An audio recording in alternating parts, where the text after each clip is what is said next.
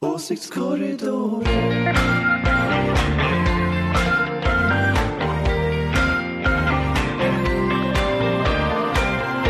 Det där känner jag redan att det är en signatur som jag kommer börja älska. Det känns så kul att säga välkommen till vår nya podd Åsiktskorridoren.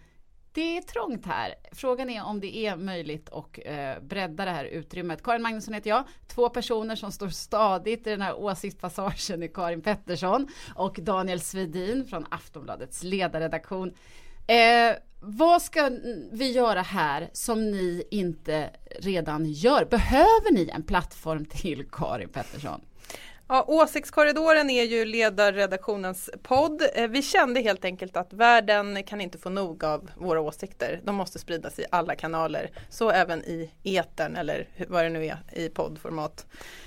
Och eh, meningen är att man ska bredda åsikterna en del, eller hur? Det är inte bara ni som kommer tycka till här. Nej, det är det inte. Dels ville vi faktiskt ge lyssnarna en liten inblick i vårt åsiktsuniversum eh, på ledarredaktionen. Så välkomna in och ta del av detta. Ett annat syfte är också att utsätta oss själva för kritik, självspäkning. Eh, så att vi kommer att eh, låta en kvalificerad panel granska och kritisera en text i varje program. Mm. Och det kommer bli eh, Torbjörn Nilsson från tidningen Fokus och Ulrika Schenström, politisk strateg, eh, extraordinär från Moderaterna, jobbat länge. Eh, hon kommer hit och eh, ska opponera på era texter. Daniel, hur känns det? Nej, det känns inte bra alls faktiskt. Eh, jag tycker att det är fruktansvärt obehagligt att möta läsarna i mailbox och eh, Twitter mentions och helt plötsligt så ska de bjudas in hit. Det tycker jag inte blir bra. Alltså. Nej, vi kommer få sopa upp resten efter dig när det är dags för din tur. Idag är det Anders Lindberg som ska granskas. Eh, vi ska också säga välkommen till våra vänner på Politism. De kommer hit lite senare. Erik Rosén, Margret Atladotter väljer ut veckans ord och de utgör också PK-granskningsnämnden. Ett moment där de ska kora förloraren i veckans kvällstidningskamp. Där står ju slaget naturligtvis som mellan oss Aftonbladet och eh, kollegorna på Expressen. Hörni, vi kastar oss rakt in i veckan som gått. Karin, du skrev nyligen en kolumn om att det är för små skillnader i svensk politik.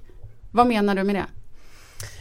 Ja, min eh, text handlade i första hand om eh, Socialdemokraterna och eh, att jag uppfattar att de idag är i ett läge där de är väldigt kritiska i sin retorik mot regeringen och ganska skarpa ordalag kritiserar regeringen Reinfeldt och ja, för att har förstört Sverige och att Sverige går åt fel håll och det finns också eh, mycket som har hänt de senaste åren, skolkrasch, eh, ökande klyftor och sådana saker som gör att förväntningarna på socialdemokratisk politik om de skulle vinna valet i september börjar bli väldigt högt ställda. Jag kan ta som ett exempel en debattartikel som Karin Jämtin, partisekreterare för Socialdemokraterna, skrev nyligen. Mm. Rubriken var De vill förstöra välfärds-Sverige Eh, och den avslutades med, eh, och så var det liksom en lång beskrivning av kriserna i välfärden och i skolan. Och så säger man, vi socialdemokrater är beredda att ta ansvar och göra någonting åt detta. Svenska välfärden behöver resurser och ordning och reda.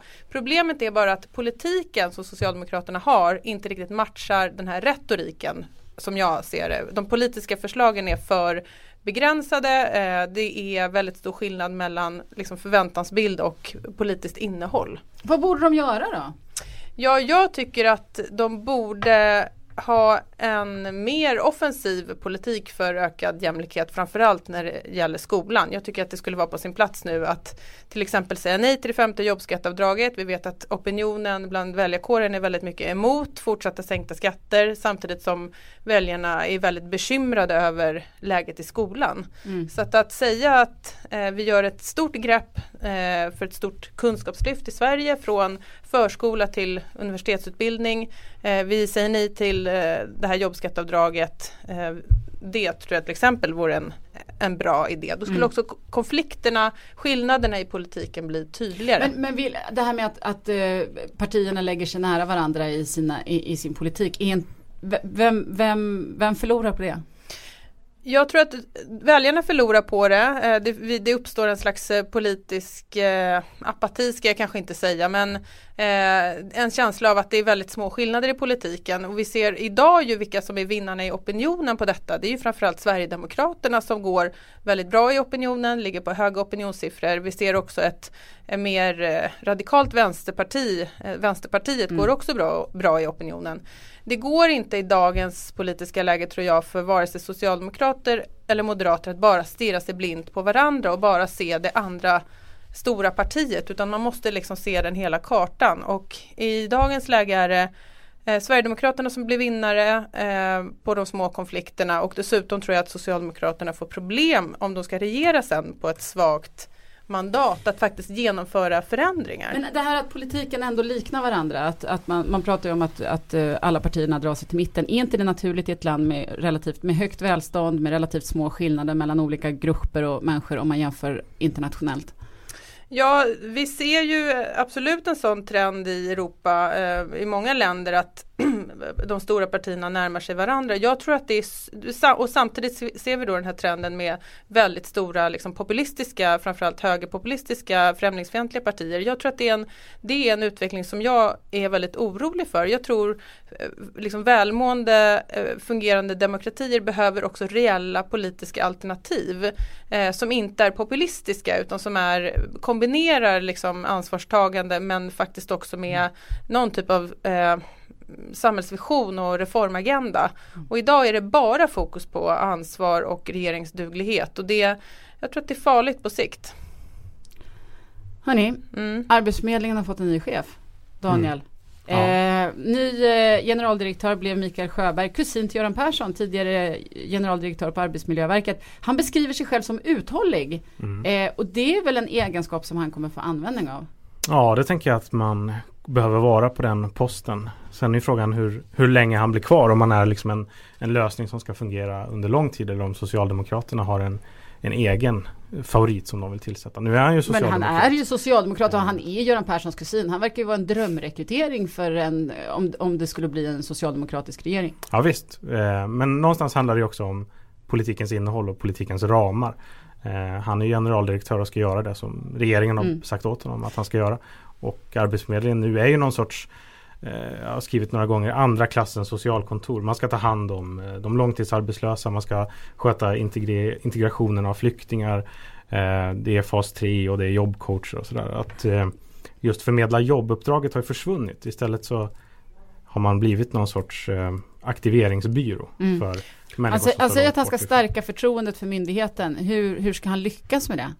Det är så lågt så det kan inte bli jättesvårt, eller hur? Det, det är only ways up kan jag känna ja, lite. Exakt. Han, man kan säga att senaste veckorna har de inte varit bra för Arbetsförmedlingen. Dels senaste hade vi dagarna, är senaste dagarna är faktiskt förskräckliga. Dels hade vi den här kvinnan som vände sig med sitt företag och behövde rekrytera. De lyckades inte i en kommun med över 360 arbetslösa ungdomar, lyckades inte hitta en enda arbetslös ungdom. En grej. Eh, man råkade kalla 60 000 eh, arbetslösa till samma möte. Inget att skratta åt men det var, det var otroligt klantigt. Starka bilder. Starka bilder och mm. man har dessutom fuskat med statistiken och gett luftjobb till arbetslösa för att det skulle se lite bättre ut. Mm. Alltså om man ska göra en priolista för den nya generaldirektören Daniel Karin, vad ska han börja med?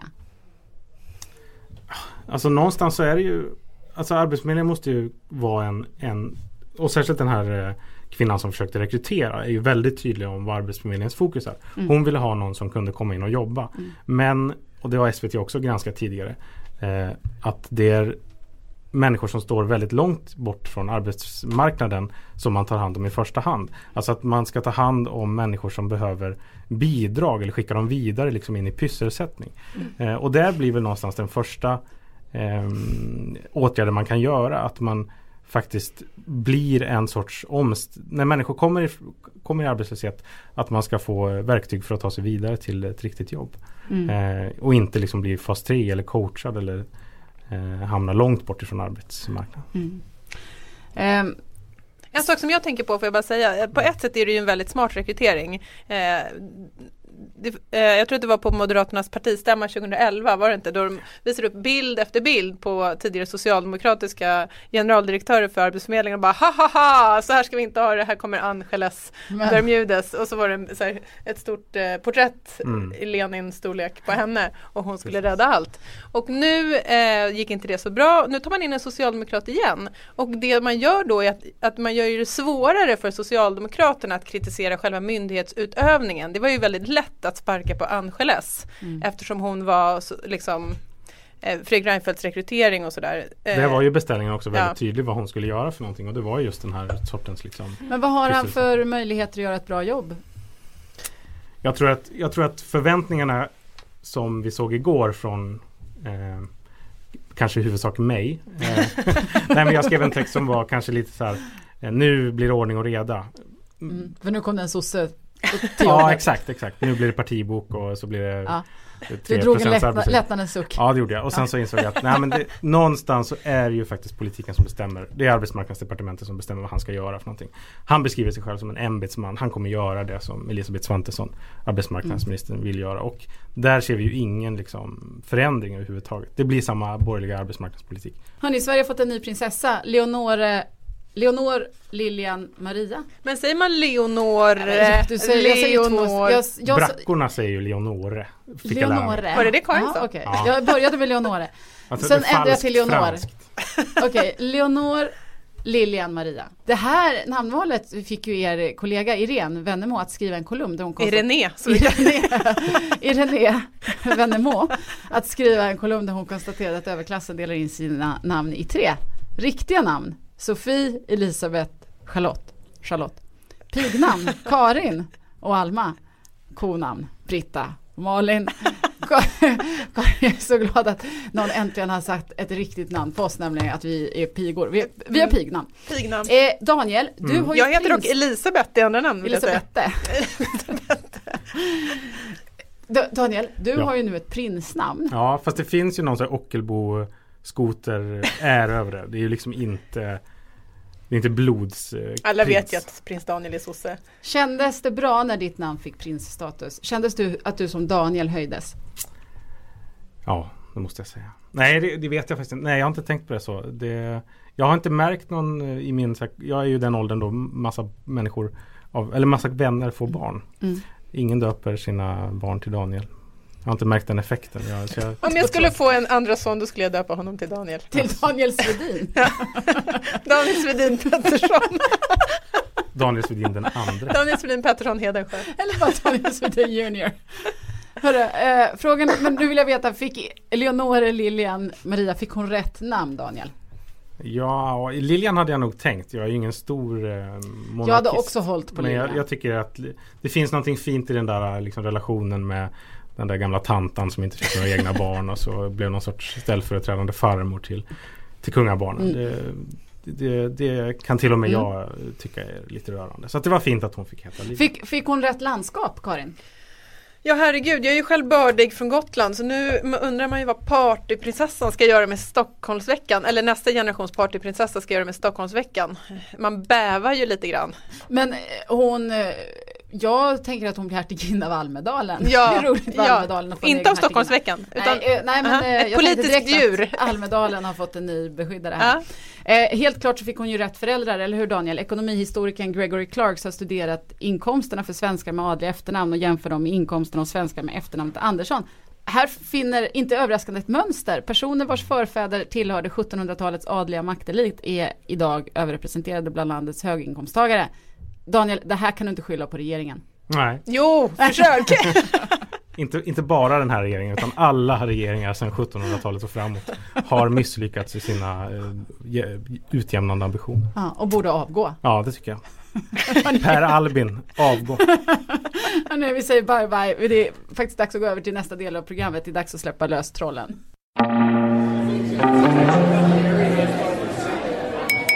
Hallå, hallå, kan ni vara tysta? Hallå, det är dags för kommentarsfältet. Då så säger jag välkomna och vidga den här trånga åsiktskorridoren. Ulrika Schenström. Eh, jag kallade dig för politisk strateg extraordinär förut. Det är väl inte helt fel att säga? Nej, absolut inte. Du är en av grundarna till Nya Moderaterna, i år kandidat till kommunfullmäktige i Stockholm. Kommer ni, kommer, hur, hur ska ni behålla makten i stan? Ja, det är nästa bra fråga. Det är en strategi som man håller på att arbeta på. Men det är klart att vinner man stan och vinner man landet så vinner man alltihopa. Så det, det mm. jobbas på. Mm. Torbjörn Nilsson, politiska journalistikens P.O. Enquist från tidningen Fokus. Det var väldigt fint sagt. Tack. Du jobbar på Fokus. Varför skriver du så långt? Jag hinner aldrig läsa klart det du skriver. Ja men jag tror det, det, det tar lång tid att starta upp och sen är det svårt att sluta. Ja. Det är en skön konst att kunna sätta punkt. Eh, vad tror du om Ulrika Schenströms möjligheter att ta över Stockholm? Eh, ja, alltså jag tror att hon måste kravla sig upp på listan för att, för att lyckas med det. Men det är nog inte omöjligt. Mm. Jag vet inte riktigt hur hon tänker med personvalskampanj och sånt Nej, där. jag ska inte ha någon kryssarkampanj. Jag kan här och nu säga det till er alla. Att jag kan vara helt lugna. Du, skulle, med ditt, du har ju Sveriges kändaste hår. Så att i politiken, mm, politikens jag, kändaste hår. Men jag sa tidigare att jag kanske tänkte klippa av det. Det kan bli en chock. Ja. I så fall blir det inga personkryss. eh, Anders Lindberg, den ettrigaste sosse som gått i ett par praktiska sandaler. Du är föräldraledig, du har tagit dig hit den här veckan och du kunde inte hålla dig från att skriva om Annie Lööf. Varför då? Nej, det är ju ett år sedan, sedan Maramö, den här berömda korvgrillningen i, i Maramö, eller ungefär ett år sedan. Så att eh, jag var mest lite nyfiken på att titta hur det gick för Centern just nu. Mm. Eh, och det gick inte så bra, vilket ju jag tycker är ganska roligt. Så att eh, då skrev jag lite om det. Jag tycker vi gör så här, momentet här är ju helt enkelt att ni i kommentarsfältet, Ulrika och Torbjörn, ska få opponera på det Anders har skrivit. Så jag tänker bara, vi kör, vi lyssnar på vad Anders skrev. Så här lät det. Det är dags att säga farväl till Annie Lööf av Anders Lindberg den 28 februari. Igår för ett år sedan var det tänkt att Annie Lööf skulle ta steget och bli en stor politisk ledare. Löv hade ordnat korvgrillning i barndomshemmet Maramö och bilden som skulle förmedlas därifrån var dådkraft, initiativrikedom och alliansgemenskap. Istället blev Maramö den här mandatperiodens mesta antiklimax. Ett år senare är frågan inte längre om Centerpartiet är slut som politisk kraft utan vem som får ta hand om partikassan. Så kan man lite tillspetsat sammanfatta kommentarerna efter att partiet fick 2,8 procent i februari månads SIFO-mätning. Centerpartiet har varken väljare och politiska profilfrågor, men med drygt 1,5 miljarder i eget kapital är de ett av världens rikaste partier. Men vad hjälper det när Centern i 40 år stadigt blivit mindre? Sedan valet 1976 då Torbjörn Fälldin fick 24,1 procent har nästan 9 av 10 väljare försvunnit. Partiledningens officiella reaktion på katastrofsiffrorna är ingenting. Det verkliga problemet för Annie Lööf är att hennes parti helt enkelt inte fyller någon funktion i svensk politik. Det finns inte en enda fråga där Centerpartiet bidrar med något unikt. Moderaterna är bättre på företagarfrågor. Miljöpartiet är bättre på miljöpolitik. På landsbygden, Centerpartiets traditionella hemmaplan, får de se sig förbisprungna av både Sverigedemokraterna och Vänsterpartiet. När alliansen lanserades var löftet att alla skulle bidra och alla skulle vinna. Resultatet det blev istället att Moderaterna gjort övriga allianspartier onödiga. Oavsett vilket parti du röstar på får du Anders Borgs politik och Fredrik Reinfeldt i tv-rutan. Annie Lööfs bidrag har i huvudsak varit att snabba på förfallet. Genom det uppmärksammade idéprogrammet med förslag om månggifte och slopad skolplikt visade Centerpartiet effektivt hur långt de var från människors köksbord. De blev istället sinnebilden av det lite tossiga partiet. Dessutom lett av en person som lika gärna skulle kunna varit ordförande i Moderaternas ungdomsförbund. För Alliansen är Centerpartiet idag mer ett problem än en tillgång. Vilket företrädare för de tre övriga partierna gärna erkänner mellan skål och vägg. Det rationella för allmänborgerliga väljare är inte ens att ge Centern en stödröst. Då riskerar man nämligen att kasta sin röst på ett parti som ändå försvinner. Samtidigt som sympatirösterna splittras så att de inte heller räcker för att rädda det krisande KD. Fyra borgerliga partier är helt enkelt ett för många. Det är dags att säga farväl till Centerpartiet. Ord och inga visor där ifrån ledarredaktionens Anders Lindberg. Jag börjar ju med dig Ulrika. Eh, är det dags att säga farväl till Centern som Anders tycker? Alltså jag, har aldrig sett, jag har faktiskt aldrig sett Anders Lindberg så här lycklig som han ser ut som ett litet barn här och tittar på mig vad jag ska säga nu. Vad ska hon säga nu? Ja, hon säger så här. Nej, det är klart att det inte är. Det finns väldigt mycket landsbygd som är borgerligt sinnad. Till exempel där min man kommer ifrån. Årgäng, en gammal traditionell centerkommun. Mm. Men däremot så är det ju så för alla partier oavsett vilket, liksom, vilken situation de är i opinionen eller så. Att man måste gå hem och se liksom, vad är det jag, jag kan göra bättre just nu någonstans. Liksom. Och jag tror ju att Centern har landsbygdsfolket eh, egentligen i sin hand om de bara tog tag i landsbygdsfrågorna. Eh, och då inte så, så som till exempel Sverigedemokraterna har gjort eller till exempel vänstern har gjort att liksom komma och hota med någonting. De har ju väldigt många möjligheter. Men jag tror att det kanske också har varit så att det har blivit problem i Alliansen att Moderaterna har tagit ganska många traditionella frågor från Centern egentligen. Till exempel vargfrågan och så vidare. Där Centern kunde ha varit väldigt. Sen har ju också Centern tagit andra frågor mm. som de har trott att de kanske ska ta sig in i moderata eh, tillhåll. Som jag såg att du hade skrivit eh, Moderata ungdomsförbundet som egentligen var Fria Moderata studentförbundet då. Alltså mer nyliberala frågor och influenser. Så att jag tror att Centern finns och Centern kan, skulle kunna gro om de bara insåg att de var socialliberaler och inte nyliberaler. Är det en, delar du den analysen Torbjörn Nilsson? Ah, vet inte katten, men de har ju framförallt svårt att liksom bestämma sig för vad socialliberaler är i det här partiet. Men jag har svårt att bestämma för, eh, eller förstå vad den här texten vill bestämma sig för att vara. Anders, du, nu får ju du För den liksom säger två olika saker samtidigt och det blir helt obegripligt. Hur menar du Alltså å ena sidan säger Anders att det här är ett tossigt parti som tycker galna saker. Mm. Och å andra sidan säger han att det är ett helt onödigt parti det är ju inte så liksom väljarmarknaden brukar funka. Alltså, han säger att Centerpartiet är ett ounikt parti. Jag skulle säga att det är rimligare att säga att det finns tre väldigt tydliga unika partier i svensk politik. Vänsterpartiet, Sverigedemokraterna och Centerpartiet. De har tydliga politiska profiler, de tycker saker som är väldigt annorlunda mot den breda mitten. Eh, och då kan man ju säga att det är onödigt rent åsiktsmässigt men så att säga på ett intellektuellt sätt att här har du en, eh, ett brett utbud att välja på så kan man ju inte begripa vad det onödiga är. Alltså det, det jag menar är ju att det onödiga är, är välja utifrån väljarnas perspektiv. Att, att tittar man på borgerligheten så är inte borgerligheten tillräckligt stor för att täcka fyra partier med helt olika inriktning. Det går inte så att säga som borgerligt parti att vara helt unikt.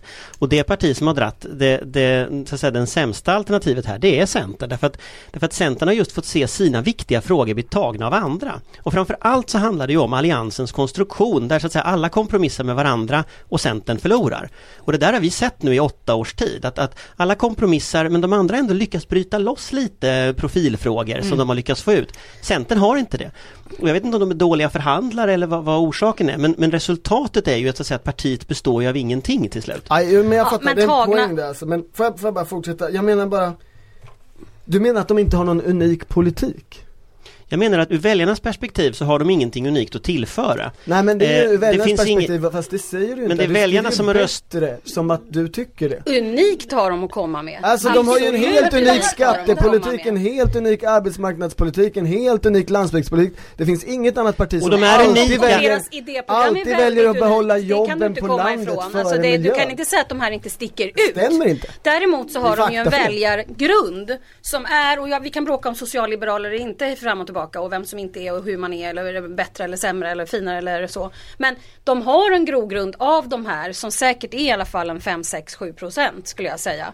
Som idag tror jag sitter på hyllan och väntar på att det ska hända någonting. Så, så att, och så du kan inte säga att de inte sticker ut. Men, alltså, alltså, men, men de sitter, de, dina, dina väljare i Årgäng hur många av dem tycker de här sakerna som Tobbe nu säger är unika? Vi tar skattepolitiken. Idén i deras skattepolitik när de lanserade den var ju att det skulle vara platt skatt. Sen har de väl fått backa från det. Månggifte. Hur många i Årgäng är för månggifte? Jo, men Anders, talat, ska du kampanja i Årgäng, stå på torget i Årgäng, hålla torgmöte och företräda det i det programmet? sa, att de måste ju gå hem och göra sin, sin läxa. För vad du försöker säga att det inte finns några centerpartistiska lands, landsortsväljare. Det finns det visst. Hur många som helst. Men de måste ju gå men hem, göra tycker sig hemläxan, som finns idag. ompröva sina idéer och prata med folk ute i Årjäng till exempel. Eller Säffle för den delen. Men för jag bara fråga, jag måste bryta in för när jag, låter, när jag lyssnar på er så låter det som att de är tvärtom alldeles för unika.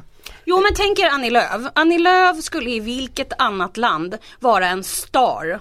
Den liksom den coolaste bruden av alla. Det här är jätteintressant Hon var bäst i har inte klassen, har inte liksom, eh, nej men därför att vi är ju jantelag här, här får man inte vara bra. Här får man inte sticka ut. Mm. Okej, dina, okej, fem skäl till varför hon är en sån unik star. Fem skäl, ja, jag vet inte om Eller jag kan tre. ha fem. Men jag kan säga så här, hon var bäst i klassen, hon har liksom aldrig missat en tenta. Hon är liksom intelligent.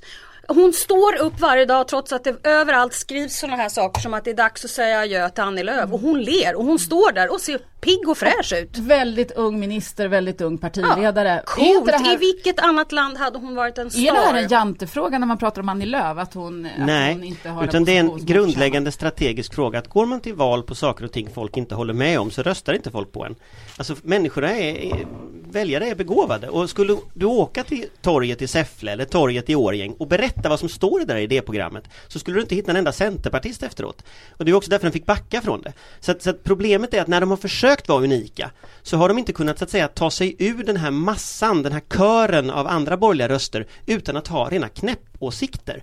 Och, och resultatet av det är ju att när folk väl lyssnar då hör de sånt där som, som, som de inte håller med om. Men nu har du ju sagt det två gånger. Alltså jag, det är ju liksom, jag, vi vet det här, det är inte någonting nytt det Anders säger. Men jag menar vad du försöker också säga i den här artikeln som jag liksom opponerar på. Det är att det inte finns centerpartistiska landsortsväljare. Det finns det visst, finns borgerligt sinnade väljare ute i lands och glesbygd. Massor. Med liksom skogsföretagare, landsbönder, hur mycket som helst. Men Torbjörn, jag måste fråga dig, alltså, stämmer inte det som, som Anders Lindberg skriver, alltså det här med att eh, de andra partierna har snott eh, Centerns frågor, alltså Ja, om, om vi tittar på landsbygdsfrågor så finns det ju olika Miljöpartiet är med bättre på miljö, Mm. SD och Vänstern vinner landsbygdens med, med miljön så är det ju, så det är otvetydigt eh, så som Anders skriver. Tittar man på landsbygd så finns det definitivt väldigt många olika mätningar eh, och det finns lika många mätningar som säger att Centerpartiet är bra på lands, bättre, bäst på landsbygd som något annat parti liksom. Eh, och framförallt så finns det ganska lite mätningar på landsbygd. Om man jämför med de andra stora frågorna. Eh, men ja, jag kan liksom se poänger i det Anders säger nu att så här, ja men de, de är unika och, men det, är inte, det gillar inte folk. Det kan jag förstå. Men då måste man ju bestämma sig för att säga att det är ett unikt parti först. Och sen så kan man, får man då hänvisa till folk. Här säger ju Anders att ledarsi, alltså han som ledarskribent tycker att olika partier har bättre politik än Centerpartiet. Han hänvisar ju aldrig till väljare här Mm. i texten. Alltså om man, om man närläser texten så, så finns det ingen sån hänvisning. Utan jag utgår ju då ifrån att det är Aftonbladets ledarsida som gör en bedömning av bra eller dålig politik mellan olika partier. Och den är jag kanske inte förvånad över utfaller till, till Centerpartiets nackdel. Det ska jag säga. Eh, det, det, det är absolut inte. Men jag undrar då från det perspektivet var inte det här en ganska öppen dörr? Som, som eh, oberoende socialdemokratisk ledarskribent. Vad ville du uppnå med texten? Alltså grejen är så här att jag tror att väldigt många socialdemokrater sitter där ute och tror att de, de längtar till det gamla Centerpartiet. De längtar till Torbjörn Fälldin, de längtar till Olof Johansson. Jag tror inte det Centerpartiet finns längre. Jag tror att de kan packa ihop den drömmen. Eh, de kan glömma det här med blocköverskridande samarbete med det här partiet och bara konstatera att det här partiet har nu blivit så tossigt tror jag det var det ordet jag använde, att, att det här går inte längre att samarbeta med. Utan Centern har blivit någon slags svensk politik svarta hål som drar till sig liksom tokar som Ta Alexander Bard till exempel. Han Ja, lämnade han Centern, lämnat. han lämnade Han Centern för en vecka sedan. Men han är en typisk sån person Vi som drogs till det här. Bard. Ja, men jag tror att ni gjorde det. Det finns också ganska många andra som har dratt sig dit. Eh, och, och tittar man på det så, så, så blir det liksom ingenting kvar i det här svarta hålet längre. Och då tror jag så här att då är det dags att liksom lämna de här strategierna bakom sig och lämna Centerpartiet bakom Jag sig. tror ju det finns Torbjörn Fälldinare där ute, det kan jag tala om. Det, det är jag helt övertygad om för jag träffar dem ganska ofta faktiskt. Men det här med snott frågor. Jag menar Centerpartiet har ju inte det är inte någon som har snott deras frågor utan vad som har hänt är ju att de har tagit till sig nya frågor. Som till exempel en del falanger i Moderaterna hade under 90-talet. Nyliberala frågor som är liksom, ja, och, det, och det, där tror jag att de trodde att de kunde dra till sig en del av en, en, en liksom Stockholmsmoderater som inte riktigt visste var de hörde hemma. Det tror jag de trodde att de kunde göra. Men, men, Fast men tittar man på ett inte. typexempel. Centerpartiet för några år sedan lanserade sig som integritetspartiet. De tog ett program om detta, de gjorde en stor sak av det. Vilket parti var det som kom in i Europaparlamentet förra gången på integritet? Ja, inte var det Centerpartiet, det var Piratpartiet. Och likadant är det med Centerpartiet, att liksom imagen av Centerpartiet drar ner alla de här nya frågorna de tar. Det är ingen som tror i Stockholms innerstad eller på Stureplan att de här nyliberala drömmarna är på något sätt Centerns riktigt, utan först kanske man röstar på Moderaterna, sen kanske Folkpartiet kommer, sen kanske Centerpartiet kommer. Och de här allmänborgerliga väljarna som flyter omkring där ute, de kommer ju inte att rösta på Centern i det läget. Så att lite vad jag tycker att de har gjort är att de har försökt vinna nya väljare med frågor. De har lämnat sina gamla väljare, men de där nya väljarna vill inte ha dem. Och nu står de där. Eh, några månader kvar till valet. De gamla väljarna är ganska sura och de nya väljarna finns inte. Och det är ett jätteproblem för Centern. Hörni, eh, vi ska faktiskt börja runda av. Men jag tänkte bara, vad, vad är ett realistiskt valresultat för Centern tror du, Anders, i valet i höst? Jag tror att opinionsmässigt att de ligger just nu mellan 3 och 4 procent. Jag tror KD ligger mellan 3 och 4 procent också. Och jag tror att det är en öppen fråga om båda partierna kommer in. Och jag tror precis som jag skriver i, i texten här att någonstans längs vägen nu så behöver allmänborgerliga väljare bestämma sig. Ska de försöka rädda båda partierna med stödröster? Eh, eller ska de bara försöka rädda det ena? Och jag tror att det som är mest illa ute, det är Centerpartiet. Torbjörn Nilsson, vad är ett realistiskt valresultat för Centern i höst? Oj jösses. Jag tippar ju aldrig för det går så dåligt för mig när jag tippar saker. Särskilt eh, valresultat. Eh, Ja men det, det, det, Anders beskrivning är, inte, är ju inte helt dum, eh, sen är det från ett liksom oppositionsparti eh, perspektiv liksom. Eh, förlåt att jag kallar det ett parti, det var inte meningen, det var en slip. Ett litet parti. Aftonbladets Okej, så ledarsida där, där partiet. sidar du med Anders? Du, du, Nej men jag, kan, jag tänker också, det, förutom de här unika politiska grejerna så om man tittar på genus och könssammansättningen eh, bland eh, svenska politiska partiledare så så har ju Centerpartiet en, en ganska unik eh, selling point med två kvinnor i rad. Det är inget annat parti som någonsin har lyckats med det. Eh, det kan vara en fördel för dem på något sätt tror jag när det väl blir valrörelse och ganska många vanliga människor ett börjar riktigt intressera sig för politik på ett annat sätt. Riktigt politikersvar från Torbjörn Nilsson. Ja eller hur, han verkar ha tränat på det. Benson, du får svara Också ett kortare. parti, fokusparti. Nej, jag håller ju med Anders, alltså, jag tror att de ligger någonstans där 3, 4, 5 och ja, det, det, det finns väl ingen i Sverige just nu som inte är liksom man kan vara eh, oroad som jag över att de ligger sådär och att eh, ingen av dem kommer in eller att båda två men jag, jag vill inte heller liksom helt och hållet vara Sören Holmberg och säga ifall någon är rökt eller inte utan jag säger bara så att jag, jag, jag hoppas och tror att eh, de kommer in båda två de här små KD och C. Ehm, Anders, var det svettigt att bli opponerad på ett av de här två? Nej, jag tycker det är ganska roligt. Eh, alltså en sån här text är ju inte, det är ju ingen självklarhet och, och det som, det som, det som Torbjörn sa nu på slutet med, med könssammansättning och sånt, det tycker jag är, och Mycket relevant. Ulrika nickar här, det tycker jag faktiskt är en, ett, ett huvudinvändning mot min text, att, att det är ju en väldigt stark poäng de har. Den har ju inte jag med i den här texten, men det är klart att det är ju en stark invändning. Hörni, det var som ett eh, glatt gängstryk det här tycker jag. Tack så mycket. Tack, tack, tack. Torbjörn. Anders, nu har det blivit dags för veckans ord och PK-granskningsnämnden med vännerna från Politism, Margret Atladottir och Erik Rosén. Ordet med politism. Äntligen! Margret, Erik, ni ska ju välja veckans ord. Yes. Jajamän. Berätta, har det varit svårt den här veckan? Nej. Det har varit lite svårt tyckte jag. Det fanns, för det fanns några kandidater men Vad hade ni för kandidater? en, en av de som vi inte valde var ju handslag. Det har varit mycket prat om handslag. Mm. Men vi, vi, vi närmar oss ändå samma tema här i det ordet vi faktiskt valde. Och jag måste säga, vi måste ge lite cred till våran eh, praktikant Nils Wessling som var den som droppade det här, alltså ordet som vi har valt först. Mm. Ska vi, gud vad spännande, ska vi säga Säg ordet. veckans, veckans ord är? Veckans ord är dataspelsutspel. Och eh, för alla som har hängt med så kan man ana att det har att göra med Thomas Tobé, eller hur? Ja, Mm. det stämmer. Berätta, var, varför enades ni kring det här ordet? Nej men det är för att det, det är så roligt att, att eh, roligt och tragiskt att eh, Thomas Tobé väljer att gå in, ge sig in i liksom eh, Folkpartiets sämsta gren, det vill säga någon slags moralistisk argumentation kring, kring skolan istället för att ta ett politiskt ansvar. Och eh, han ger sig på så här, skuldbelägger föräldrar och barn istället för att komma med riktiga egna förslag. det, blev, det kom så himla mycket bra så här, debatt kring, för att det är ju ett extremt desperat populistiskt och liksom pinsamt eh, förslag om det man ens kan kalla det att liksom beskylla dataspel för, för någonting. Men eh, eh, jag, jag gillar ju så här alla som har, och det är många som har skrivit liksom, alltså debattartiklar och argumenterat för att dataspel snarare tvärtom är jätte, jättebra för barn.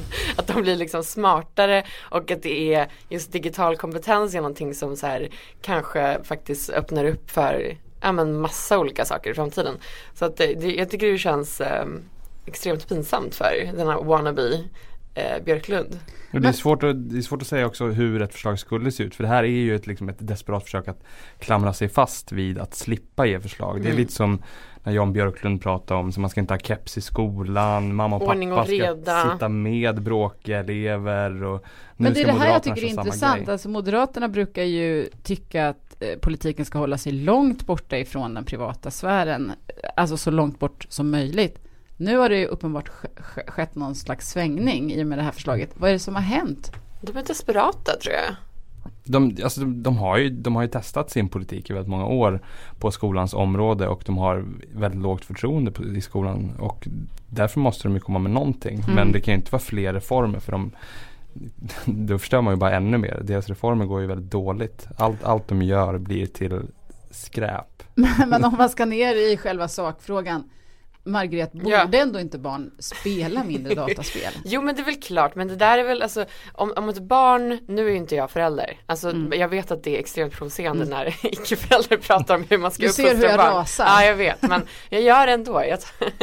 Nej men alltså det är väl klart att om, om barn spelar alltså så här, 23 timmar om dygnet, ja det är ett problem men vad fan, vad, vad, varför ska liksom politiker börja prata om det? Det är väl Men så du vet väl inte, det, det kanske är jättemånga föräldrar som ringt till Thomas Tobé Ja. och sagt Och bara, "Hjälp oss." Och velat ha hjälp. Han kanske har en hjälplinje som inte du känner till. Ja men kanske, då får väl jag, ja då var det väl ett jättebra dataspelsutspel Mm. i så fall. Men Erik, finns det någonting med det här utspelet du tycker om? Nej, alltså egentligen inte. Det, det kanske det skulle kunna lyfta en annan debatt om att det är snarare ett problem att, att vissa människor inte har tillgång till bra liksom, digital teknik idag och att det blir en klassfråga istället. Eh, jag tror inte att det finns någonting, någonting gott att hämta ur det här. Du tycker fler borde spela mer? Ja, varför inte? Jag, jag, jag, jag tycker framförallt att det, det är bättre att man spelar som man gör idag på, så här, med, med bra datorer och, Mm. och svåra spel än när så här, jag var 8-9 år och satt och spelade Ice Climber på Nintendo i sex timmar i sträck. Det gick ju hyfsat för min generation ändå. Mitt Men- enda spel någonsin ever, King Kong. Alltså Ja. jag har liksom inte, jag, eller Donkey Kong menar jag. Ni ser, jag har liksom inte spelat ett spel sedan dess. Men det var inte heller så här super intellektuellt utmanande. Nej, nej, nej. men alltså det gick ju snabbt mot Ja, det gör slutet. Det är sant. Men hörni, okej, så dataspelsutspel, Ja. veckans ord. Yes. Mm, sportlovsveckan. Eh, och sen har ju ni en uppgift till i eh, ås- åsiktskorridoren. Det är att ni är självutnämnda PK-granskningsnämnden. Ja. Vad gäller det här? Vi, vi brukar ju ofta ehm, kritisera kvällstidningarna.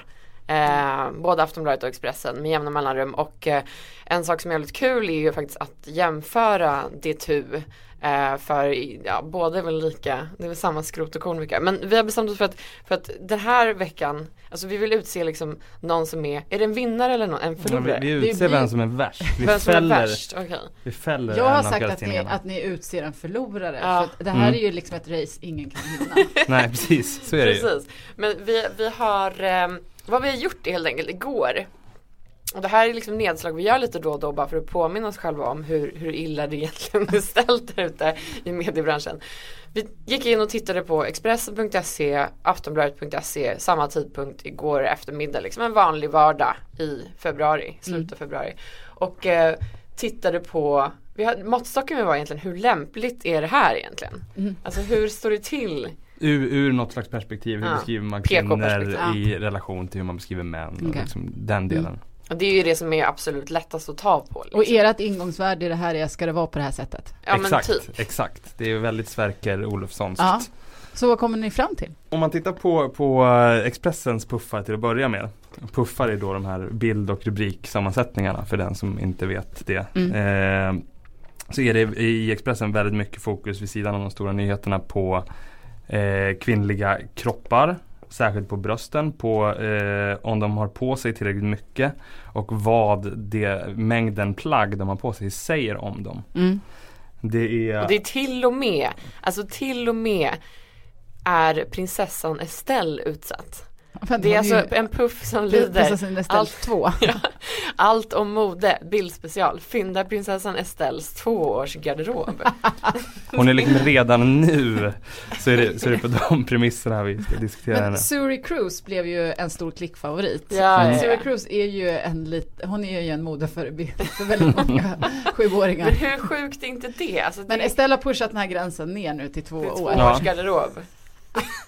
Ja. Okej. Men vi har också liksom eh, mer, mer ifrågasätta, alltså just det här moraliserandet över antalet plagg man har på sig. Det, föräldrarna vill stoppa Miley Cyrus bizarra stil. Mm. Den här gillar jag. Därför rakar Victoria Beckham aldrig benen. Modedesignern avslöjar varför. Det är liksom, alltså det är så mycket shaming åt olika håll. Ja. Det är antingen Miley Cyrus som är liksom, alltså det är slut Mm. och sen är det liksom, ja nej men. Är det här Expressen? Mm, det är Ja, det är Expressen. De, Det är, de är inte kloka. Berätta genast om hur bra vi är. Vi måste, vi måste hinna med några fler. Vi har ju Katie Price, tjurig över Victoria Beckhams byst. Eh, Lady Gagas avslöjande kroppstrumpa. Paris Hilton är klasslös när man, när man ser att hon inte har trosor på sig. Eller de frågar, är hon klasslös? Det är är verkligen annars så en här, person som man förknippar väldigt mycket med klass. Inte. Ja, ja precis. Okej, Okej, ja, men det Men där, låter fan, som ett, Karin? det där låter som ett haveri. Hur- men Aftonbladet då, hur, hur, hur briljanta har vi varit? Oj, oj, oj. Nej men i Aftonbladet är, är liksom temat väldigt mycket att man implicit lovar att om du klickar här så kommer du få se en kropp. Mm. Det är väldigt, det är det genomgående temat kan man väl säga. Ja men precis, alltså om man tittar på de liksom mest liksom klickade, jag tror det här var det mest delade så var Hon kastade sina kläder för att vara en förebild och liksom alltså Nu vet ju vi vad det där, vad det där liksom knäcket handlar om men och, ja, jag vet inte. De utlovar som sagt mycket kroppar, mycket Mm. naket. Och Margret, du kan inte låta bli att klicka. Alltså så här, nu gjorde, nu gjorde jag det för i research-syfte Karin. Mm. Eh, Jag har hört att det är mycket porr på internet också i research-syfte. Men alltså, jag måste säga att, att Aftonbladet, ehm, alltså jag blir extremt provocerad, jag tjatar om det här jättemycket. De tenderar att liksom puffa för olika kända kvinnor med liksom bara förnamn och bild och det, det är liksom så här lite semikända, alltså man vet inte vem det är. Mm. Det är liksom Anns drömben och så är det liksom, vem fan är Anne det liksom? Mm. Ja exakt, är det en skådis, är det en Mm. modell, är det liksom Även, men- även töntiga grejer som Wow, Candice i syndigt eldig kostym. Och Hot Mama, Katie på hugget i nakenspets. Är det? Men man kan ändå inte låta Ska man leva med det? Är Ja, ja, men ska det vara på det här sättet? Ja precis. Men vem är veckans förlorare? Ingen går väl egentligen fri här kan man väl Nej. säga. Men ni måste välja en förlorare.